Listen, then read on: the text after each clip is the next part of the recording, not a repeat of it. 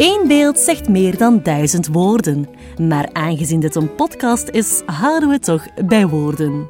De inspiratie hiervoor ligt wel in de wonderenwereld van de beeldende kunst. Kunst spreekt, prikkelt, provoceert en doet ideeën, emoties of herinneringen ontspringen.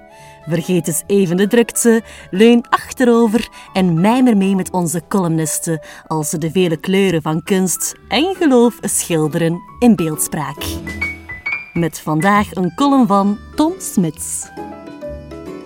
Het is tegenwoordig misschien wel de grootste uitdaging voor een journalist: een catchy titel vinden voor je artikel. Ongeacht het medium dat je gebruikt, in de veelheid van echt en fake nieuws die ons dagelijks overspoelt, staat of valt een artikel vaak al met de kop die erboven staat. Soms levert dat verrassend goede slogans op, maar even zo vaak grote teleurstelling bij het lezen van de inhoud onder die fantastische header. Wanneer ik op 23 juni de standaard doorblader op zoek naar nieuws dat nu eens niet over corona of de aanslepende regeringsvorming gaat, valt mijn oog op het volgende. Thomas Leroy stapelt hoofden op de zeedijk. De naam zegt me vaag iets, maar mijn frank wil niet direct vallen. In gedachten zie ik al een lugubere vondst van afgehakte lichaamsdelen liggen. Een seriemoordenaar aan de kust? De titel werkt. Vol verwachting begin ik het artikel te lezen.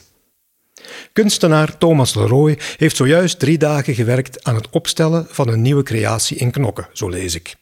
Het is zijn eerste permanente sculptuur in de openbare ruimte. Het werk kreeg de naam Tower en wordt omschreven als een toren van 49 bronzen hoofden die strak naar zee kijken. Alle neuzen, ogen, oren en kinnen staan op eenzelfde as. Duidelijk anders dan in de federale politiek, schiet het door mijn hoofd. De bijgaande foto toont een hoog en smal paalachtig ding dat uit grote opgestapelde kralen lijkt te bestaan. Jammer dat het gebouw waar het kunstwerk voor staat, een residentieel appartementsblok à la Vlaamse kust, alle aandacht opeist. Benieuwd naar een detail van de opgestapelde hoofden, open ik Google en al snel vind ik enkele foto's die meer detail geven. De kralen blijken allemaal klassieke koppen die recht van een Griekse of Romeinse torso zouden kunnen komen. Geheel in de stijl van Proest trekken die gestapelde standbeeldhoofden mijn geheugen terug in gang. En ik herinner me een wat ouder werk van de Roy. Ook iets met een hoofd. Een heel groot hoofd op een veel te klein lichaam. Enkele muisklikken later verschijnt de bronzen sculptuur die ik mij vaag herinnerde in volle scherpte op mijn scherm. Een klassiek beeld van een gespierd mannenlichaam dat verkrampt schuin naar achteren leunt. Die pose wordt veroorzaakt door het buitenproportionele hoofd van het beeld. Dat is zo enorm groot en zwaar dat het volledig ondersteboven naast het lichaam hangt. Of nee, feitelijk staat het hoofd op de grond en bungelt het belachelijk kleine lichaam er maar wat aan. Hoewel de pijnlijk uitgestrekte nek nog vastzit, zowel aan het lichaam als aan het reuzenhoofd, ziet het geheel er nogal ongezond uit. Het hoofd staat met het aangezicht naar ons toe, de holle ogen staren ons aan en uit de linker mondhoek zijpelt iets over de wang. Bloed.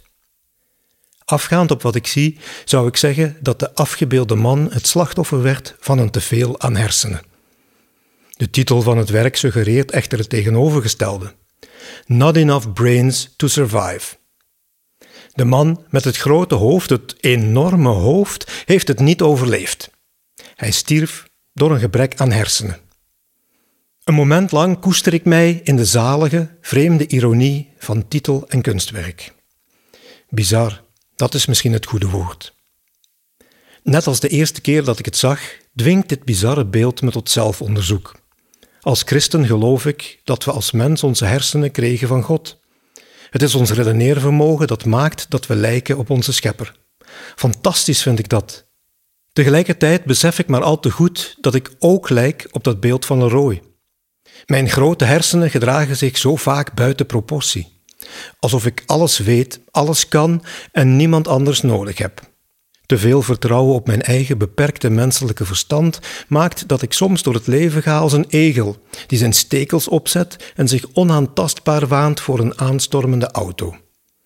Kennis maakt opgeblazen, schreef de apostel Paulus aan de christenen in Korinthe. Soms dreigt mijn hoofd van al die vermeende kennis zo opgeblazen te worden dat mijn veel te dunne hals dreigt te knappen onder zoveel eigenwaan. Ik krijg acuut kramp in mijn nek. Gelukkig is er een remedie tegen mijn geestelijke macrocefalie, bedenk ik dan, net op tijd. Want na zijn waarschuwing tegen opgeblazenheid gaat Paulus verder, maar de liefde bouwt op. Ik werp een laatste blik op Not Enough Brains to Survive en doe een schietgebedje. God, geef me meer van uw liefde. Als ik de afbeelding van het standbeeld wegklik, voelt het alsof er een ballon leegloopt. De druk is weg.